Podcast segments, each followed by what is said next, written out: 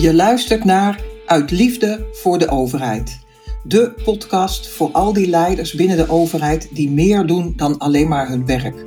Voor iedereen die zijn werk binnen de overheid bewust wil inzetten om optimale meerwaarde te bieden aan een betere overheid en een mooiere samenleving.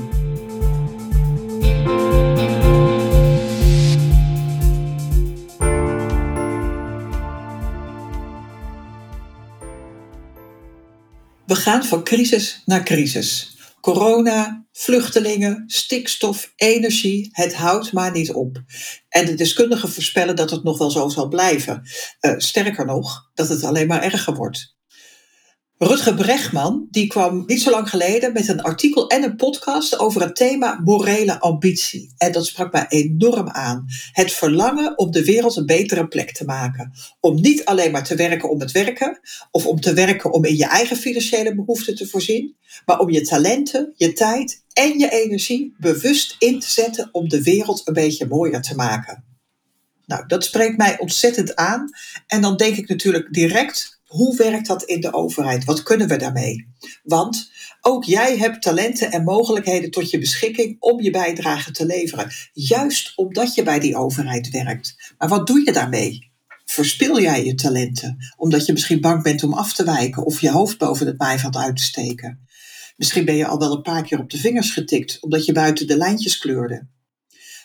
Misschien durf je juist nog wel voluit te gaan en je morele ambities ten volle waar te maken ongeacht wat je directe omgeving daarvan vindt. Morele ambitie is de wil om de wereld een betere plek te maken. Als je dat koppelt aan de overheid, dan kom ik op moreel ambitieuze ambtenaren. Die ambtenaren die niet alleen hun taak uitvoeren, maar die hun tijd, hun talent en hun energie inzetten om de grote uitdagingen van onze tijd constructief en effectief aan te pakken. Beetje bij beetje en stap voor stap. Wat mij betreft geldt hetzelfde voor politici. Het zijn de moreel ambitieuze politici die zich via hun vaak ondankbare taak toch inzetten om hun bijdrage te leveren, ondanks het systeem. Denk jij nu, ja, klinkt leuk voor Rookhuizen, maar in mijn team of in mijn organisatie gaat dat toch niet lukken, want en vul maar in. Maar blijf dan vooral nog even luisteren naar deze aflevering. Want dan vertel ik je precies waarom het ook voor jou geldt. En juist nu. En ik vertel je ook hoe. En aan het einde heb ik vijf hele concrete tips voor je. De overheid, daar begin ik eventjes mee. De overheid, die, zoals die nu functioneert, die haalt niet het beste in ons naar boven. Als je de wereld een beetje mooier wil maken, dan zit je bij de overheid natuurlijk op een uitstekende plek. Daar kunnen we denk ik heel duidelijk over zijn. Je hebt kansen en mogelijkheden genoeg. Nog eventjes los van het feit dat het de bedoeling is van de overheid om van meerwaarde te zijn. Om samen de samenleving mooier en beter te maken dat zijn we in de loop van de tijd binnen die overheid alleen wel uit het oog verloren. En we zijn verzand geraakt in protocollen, wetten, auditcommissies, parlementaire enquêtecommissies. We plannen ons suf en niet zozeer om hele hoge doelen te realiseren, maar vooral om vooraf te kunnen vastleggen wat haalbaar is en om alle risico's uit te sluiten. Zodat als we dan iets gaan uitvoeren, we eigenlijk van tevoren zeker weten dat het goed gaat. Want als er iets is dat we als overheid niet willen en wat we ons eigenlijk ook niet kunnen permitteren, dan is dat fouten maken. En in Nederland is dat, wat mij betreft, in een stroomversnelling geraakt door de vuurwerkramp in Enschede en de cafébrand in Volendam. Ik werkte toen zelf nog binnen bouwzaken en ik weet nog goed hoe we als overheid, zowel politiek als qua handhaving en regelgeving, enorm in de kramp schoten. Het bouwbesluit sprong acuut uit zijn voegen en de maatregelen die een dergelijke ramp in de toekomst moesten voorkomen, die stapelden zich op. En ze spraken elkaar tegen en het werd er dus niet makkelijker op. Ondanks de goede intentie. En ik weet ook nog dat ik toen al dacht, dat is toch raar. Een bedrijf krijgt een vergunning, die houdt zich daar niet aan. Een medewerker van dat bedrijf houdt zich niet aan de voorschriften hoe om te gaan met gevaar. De hele Santakraam vliegt de lucht in en dan is het ineens de schuld van de overheid. Ik vind dat raar. En wat hier psychologisch achter zit, is dat we de verantwoordelijkheid niet willen accepteren en die dus verschuiven naar een instituut dat buiten onszelf staat de overheid. Op dat moment realiseren we ons echter niet dat dat instituut gaat reageren met strengere regels, meer regels, meer beperkingen, meer planlast en bureaucratie. En nu mopperen we volop op datzelfde instituut en vragen we ons af: hoe kan dat toch dat die overheid zich zo ontwikkeld heeft? Nou, voor mij zit daar een hele belangrijke kern die we gewoon moeten benoemen. Dit systeem van de overheid en hoe het werkt, we hebben dat zelf gecreëerd. Burgers, media, politiek en ambtenaren samen. We hoeven wat dat betreft helemaal geen discussie te voeren over wiens schuld dat is. Daar gaat het ook helemaal niet om. De intenties waren goed. Het is alleen ontstaan omdat het een systeem van en door mensen is. En het is zo gegroeid omdat wij mensen psychologisch op bepaalde manieren reageren. Hoe we omgaan met tegenslag, mogelijk gevaar, fouten maken en verantwoordelijk zijn voor die fouten. Het is dus gewoon een hele menselijke reactie. Maar tegelijkertijd is het feit wel dat de huidige tendens van fouten vermijden, verantwoordelijkheid ontlopen en vooral geen risico's lopen, dat dat niet het beste in ons naar boven haalt. Niet in ambtenaren, niet in burgers en helaas ook niet in politici. Maar als dit een normaal menselijk patroon is en het systeem bestaat uit mensen, hoe kunnen we dat dan doorbreken? Die oplossing zit eigenlijk in exact diezelfde menselijke psychologie. Want naast het overlevingsinstinct dat ons in grote lijnen gebracht heeft waar we nu zijn, is er nog een ander psychologisch aspect dat we met elkaar delen. En dat is we ervaren geluk en voldoening als we een bijdrage leveren aan iets dat groter is dan onszelf. Je moet het eigenlijk zo zien. In eerste instantie steekt ons overlevingsinstinct de kop op. We willen fouten vermijden, we willen niet verantwoordelijk zijn voor tragische gebeurtenissen, we willen veilig zijn en we willen zekerheid.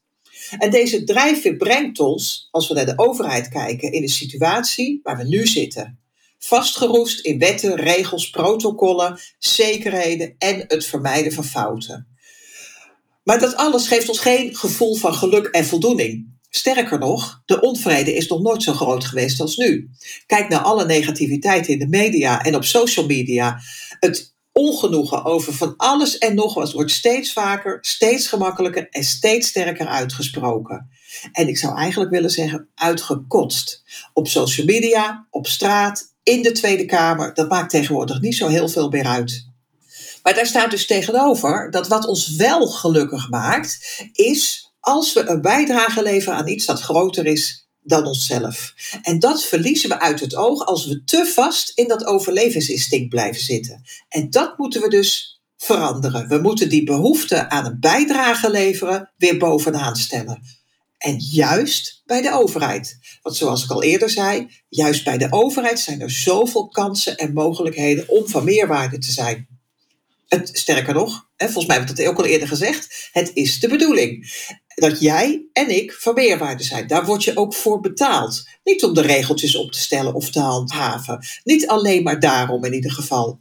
Die regels en dat handhaven moeten altijd getoetst worden aan de vraag: wordt de samenleving hier beter van? En dat is dus waar jouw morele ambitie van belang is. Want hoe werkt dat dan met die morele ambitie? Moreel ambitieuze ambtenaren zijn zich heel bewust van de bijdrage die ze willen leveren. En dat heeft niets te maken met positie of status. Of je nu een gastheer bent, ingenieur, een beleidsmaker, een controller, een directeur of een telefoniste, Iedereen heeft specifieke talenten. En iedereen kan die talenten optimaal inzetten en van meerwaarde zijn. Als jij bij de overheid werkt, heb je wat mij betreft de plicht om dat te doen. De plicht om je talenten niet te verspillen in het klakkeloos uitvoeren van wat is vastgelegd of wat iemand anders heeft bedacht. Want ik heb net laten zien dat het systeem zoals dat nu werkt, vooral is ontstaan en opgebouwd vanuit de drijfveer om te overleven. Daar worden we niet gelukkig van. En daar wordt de samenleving ook niet beter van.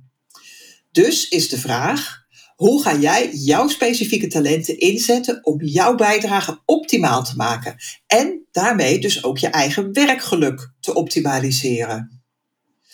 Ik had laatst samen met een ambtenaar een gesprek met een klant, met een burger. En deze burger kaartte een behoorlijk probleem aan te lang verhaal voor nu. Maar het komt erop neer dat haar zoontje van tien enorm leed vanwege beleidsregels van de gemeente die door een andere afdeling waren opgesteld. Waarop de ambtenaar in kwestie zei: Ik begrijp helemaal wat u bedoelt, maar ik ben met handen gebonden. En wat hij hier eigenlijk laat zien is exact waar we het hier over hebben. Ik wil niet verantwoordelijk zijn, mijn handen zijn gebonden.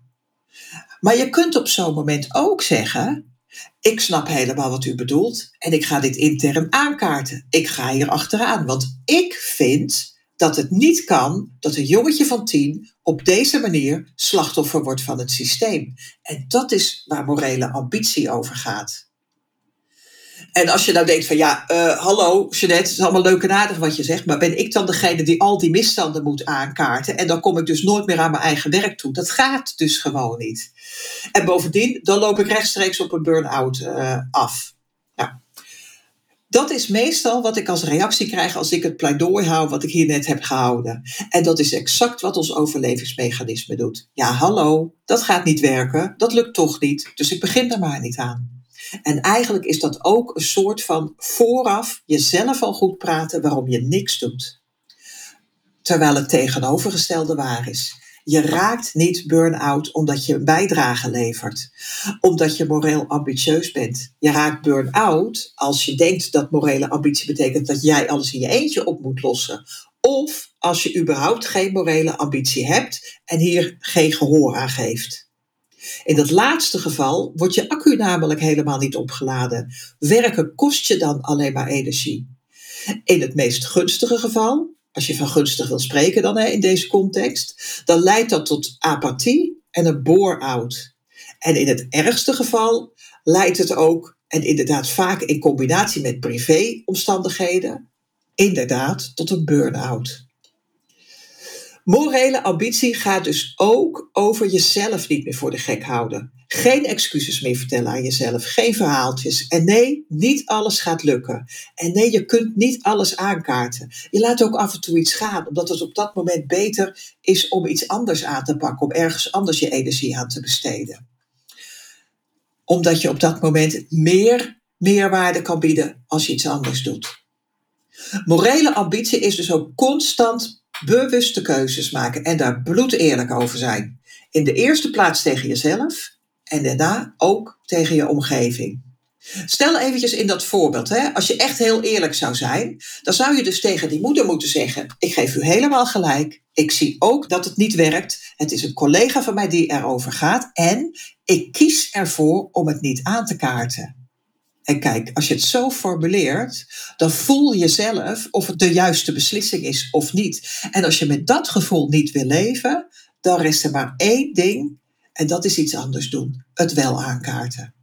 En daar zit ook nog een mooie sleutel, want iets anders doen kan dus verschillende dingen inhouden. En in dit voorbeeld is dat het gesprek aangaan met die collega, het melden bij de verantwoordelijke politici, het aankaarten bij je eigen leidinggevende, het op een relevante agenda zetten of en daar misschien zelfs toelichten. Er zijn altijd tal van mogelijkheden met allemaal hun eigen impact en jij mag daarin kiezen. Maar kies in ieder geval bewust en laat jezelf geen onbewuste speelbal worden van het systeem dat duidelijk niet meer werkt. Nou, wat betekent dat nou concreet? Morele ambitie voor ambtenaren en hoe kan jij daar zelf mee aan de slag? Ik heb vijf concrete tips voor je. De eerste is: stop met het voeden van een negatieve spiraal. Doe niet meer mee met het geklagen en het gemopper. We weten allemaal dat het systeem niet werkt, dat het overbelast is en vooral overgereguleerd. Stop ook met het verexcuseren van jezelf. Ik ben met mijn handen gebonden. Ik kan niets doen. Het zijn psychologische smoesjes om je eigen schuldgevoel te sussen. Stop daarmee. Gewoon niet meer doen. Tweede tip is: krijg je morele ambitie helder. Wat wil jij eigenlijk bijdragen aan de overheid? Waarom werk je bij die overheid? Wat word je daar zelf beter van? En wat wordt de samenleving beter omdat jij die baan hebt?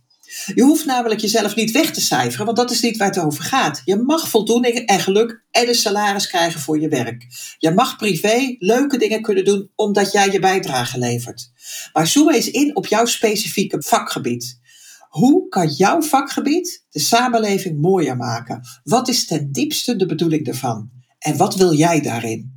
Dat helder hebben maakt ook dat het gemakkelijker wordt om die moeilijke keuzes te maken, zoals we het hiervoor erover hadden.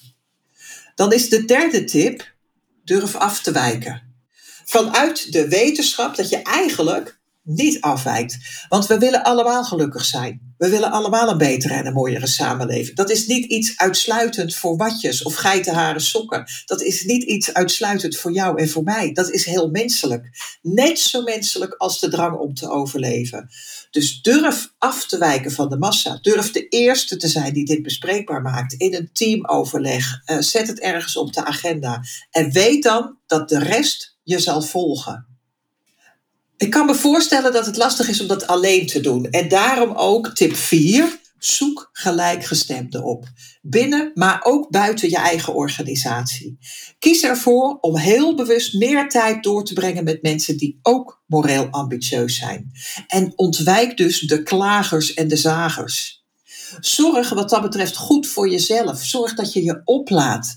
Dus loop gerust weg ook bij die koffieautomaat als het weer een kommer en kwel klaagzang is daar.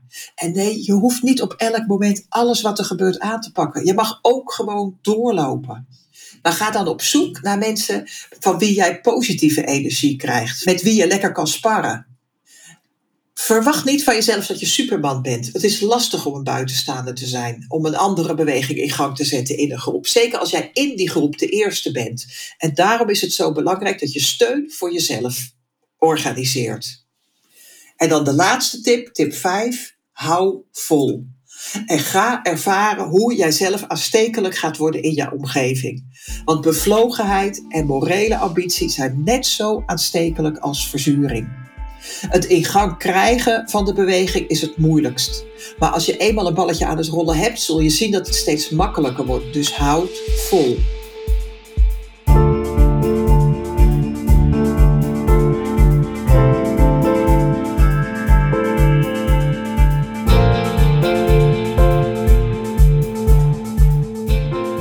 Dit was een aflevering van Uit Liefde voor de Overheid. Het is mijn missie om van meerwaarde te zijn voor de samenleving waarvan ik onderdeel ben. Om al mijn talenten, kennis, inzichten en ervaringen ten volle te benutten en in te zetten voor het grotere geheel, namelijk een betere overheid. Want een betere overheid resulteert in een mooiere samenleving. Ik ben een resultaatgerichte idealist en ik steek daar heel graag anderen mee aan, omdat bevlogenheid net zo besmettelijk is als verzuring. Met deze podcast wil ik je inspireren, uitdagen en stretchen, zodat we samenwerken aan een betere overheid op basis van liefde, vertrouwen en samenwerking.